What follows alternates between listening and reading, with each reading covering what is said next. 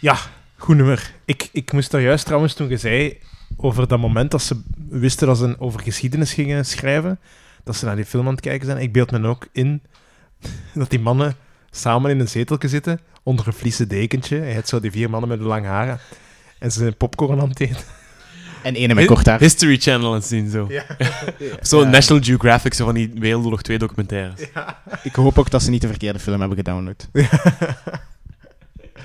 Ja, ja, ja, oh ja, ik snap hem. Ehm, en ja, en, en met een warme choco in de hand. Hè. Ja, zo, zeker in Zweden. hè. En elkaars haar vlechten. En dan heeft er enige een job. Die de ene moet gewoon vlechten. Ah ja, die zit gewoon van achter, hè. Dat Ja. is perfect. Nee, de, de bakkenbaardjes. Vlechten. Ah, Prachtige Mooi. bakkenbaardjes. Mooi. goed. Eh, ja, Jordi Specht is geweest. Dat betekent dat we aan nummer 4 van vandaag zitten. En dat is voor niemand minder dan een rode Jim.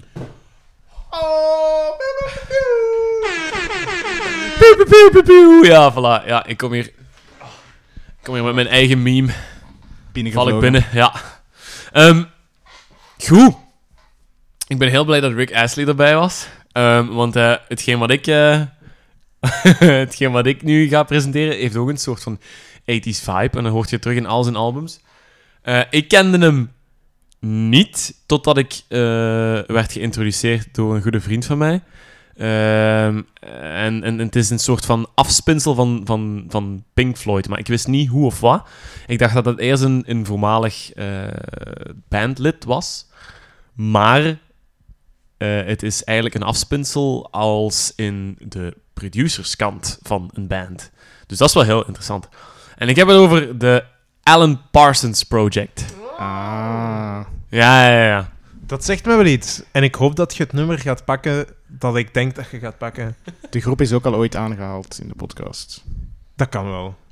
Ja, de groep is normaal gezien al aangehaald. Inderdaad, goh, welke afleveringen?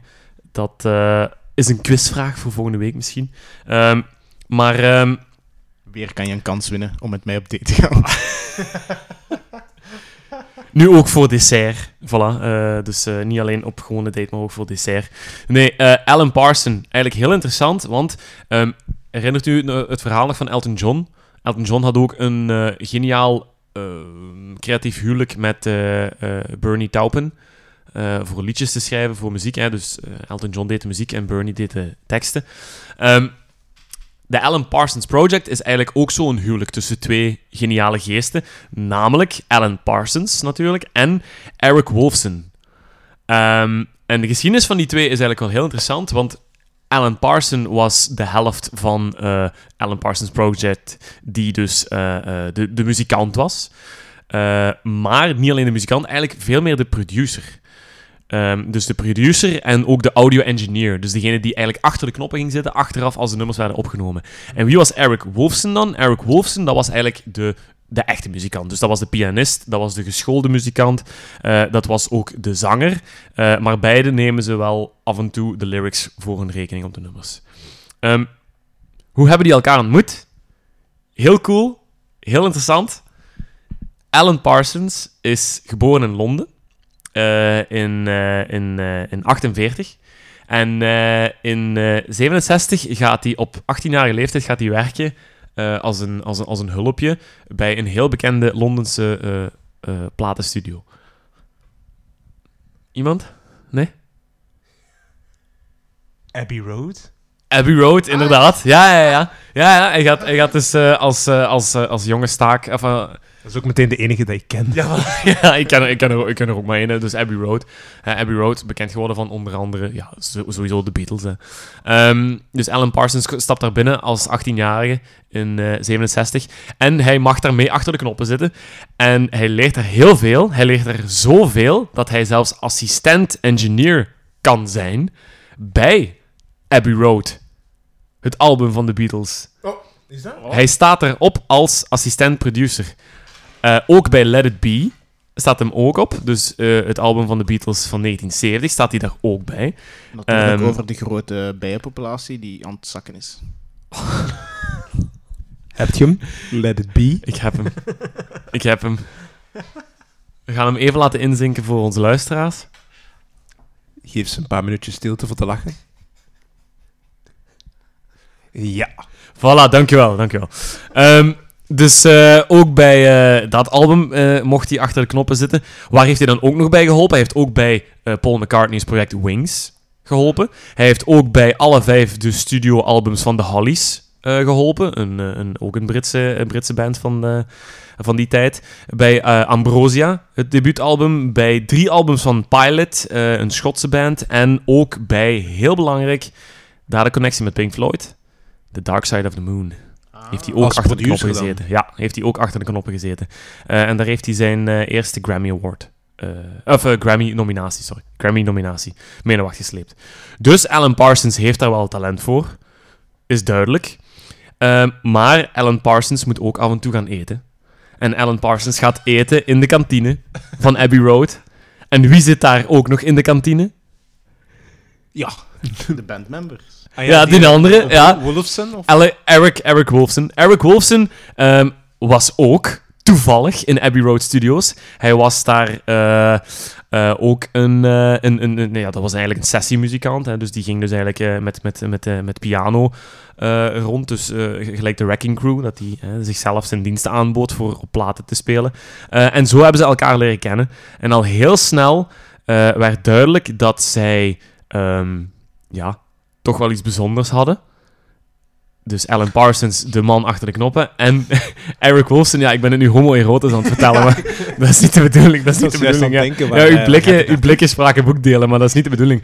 Maar ze hadden iets heel moois. Ze zagen een hele mooie samenwerking tot stand komen. Ehm, en waar komt die Eric Wolfson dan vandaan? Eric Wolfson was een Schot ehm, die eh, op jonge leeftijd in 63 naar Londen is verhuisd om daar ja, zijn, zijn, zijn, zijn carrière als muzikant eigenlijk te achtervolgen. Ehm, en dan heeft hij ook ehm, eigenlijk ja, de kans gekregen om eh, door de... eh, nu moet ik eens even kijken. Door de, door de eh, producer van de toenmalige, of, eh, de toenmalige producer van de Rolling Stones, eh, Andrew Oldman, eh, Oldham, heeft hem eh, gestrikt als songwriter in 63. Dus zodoende, eh Eric Wolfson, Wolfson gaat ervaring opdoen, zo, doen, zo verder en zo verder. En op een bepaald moment komt hij in contact met Andrew Lloyd Webber. Zegt mij niks. Zegt Nee. mij wel iets. Jawel, Maar van waar? jawel. Muzikale theaters of musicals.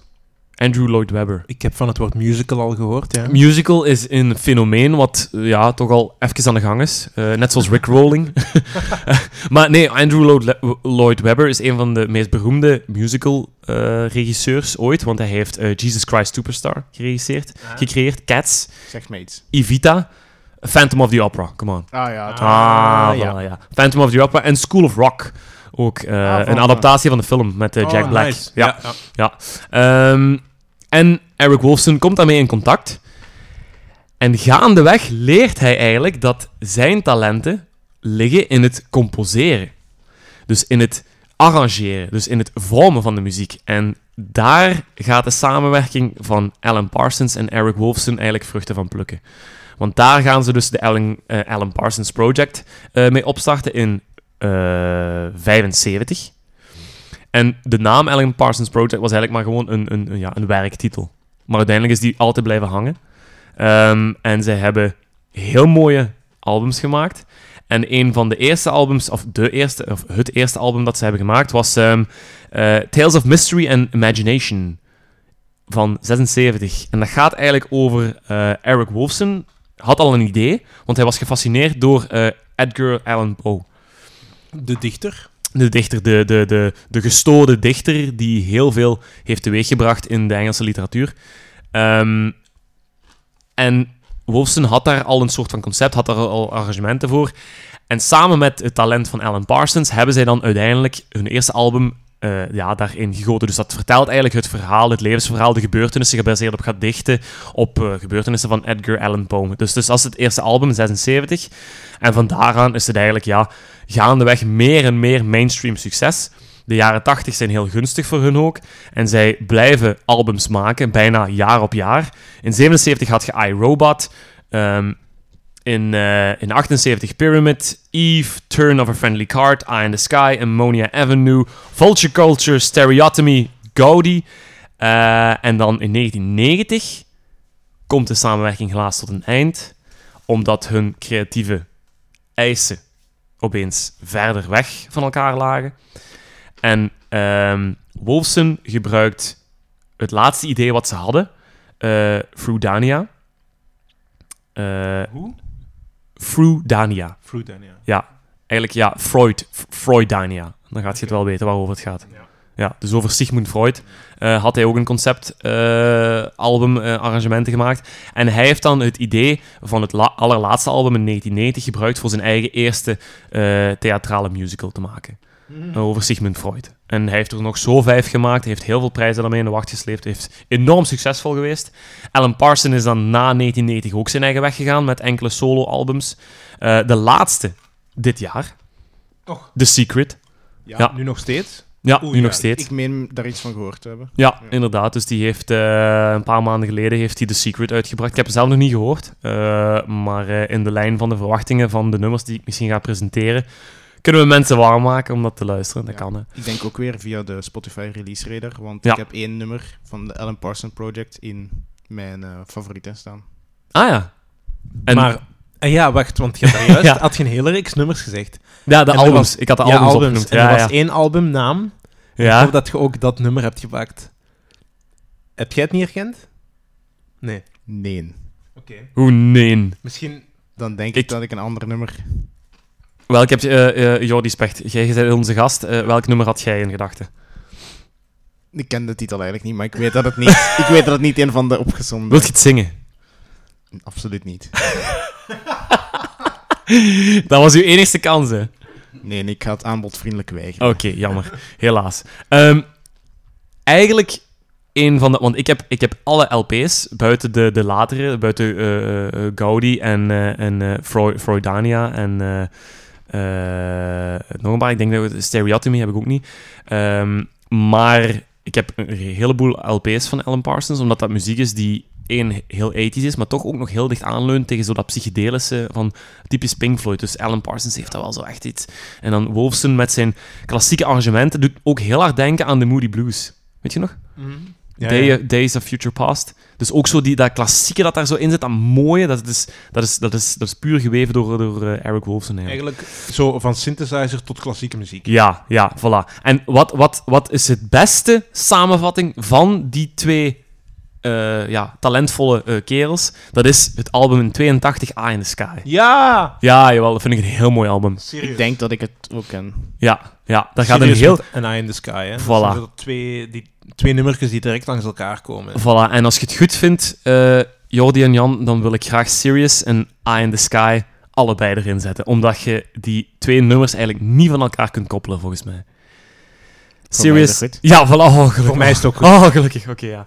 Want Sirius is de intro van het album. eh, schept de sfeer, schept eh, de, de, het, verhaal van het album. En Eye in the Sky is de meest succesvolle single van de Alan Parsons Project eh, geworden.